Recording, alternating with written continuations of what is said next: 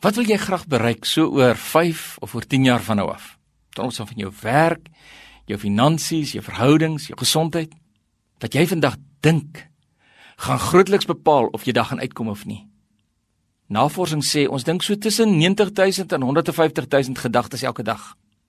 Sukses of mislukking begin by wat ons dink. Spreuke 23:7 Wat jy dink, is jy.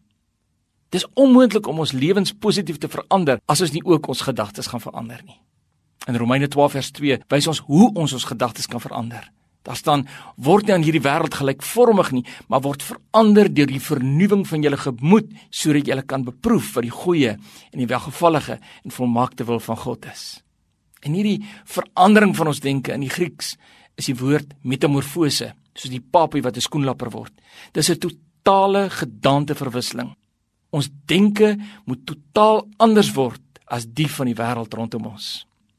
Dink net 'n bietjie. Hoeveel keer word ons elke dag gebombardeer met die dinge van die wêreld? Geweld, seks, korrupsie, leuns ensovoorts. Gelukkig is ons brein baie aanpasbaar. So elke oggend wanneer jy opstaan, is daar nuwe breinselle wat deur die nag gevorm is. En ons kan kies of ons hierdie nuwe selle gaan voed met negatiewe denke van die wêreld of met positiewe denke uit die Bybel. Dit waaroor jy die meeste dink, sal die meeste groei in jou brein. Om ons denke te verander, moet ons dus die Bybel gereeld lees sodat die denkpatrone van die wêreld vervang sal word met Bybelse denkwyse. Wanneer jy Bybelverse gereeld lees, dink, hardop uitspreek oor 'n lang periode van tyd, sal jou denkpatrone begin verander. Weer en weer herhaling van teksverse oor 'n lang periode van tyd verander selfs die fisiese struktuur van jou brein. Nuwe Bybelse denkpatrone word nou in jou langtermyngeheue gevestig en jy sal spontaan begin praat en doen op 'n nuwe Bybelse manier.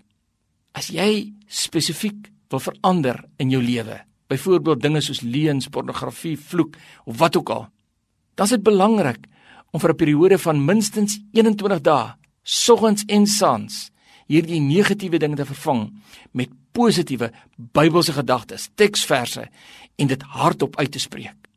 21 dae beweeg hierdie positiewe nuwe gedagtes na jou onderbewussyn, na jou langtermyngeheue en skielik begin jy positief praat en doen. Werk amper soos fietsry. Toe jy aan die begin moes jy hard konsentreer om bo te bly, Later het jy nie eers daaraan gedink wanneer jy ry en draai en stop nie. Jou brein het outomaties begin doen dit waarvoor jy gekies het, dit wat jy ingeoefen het.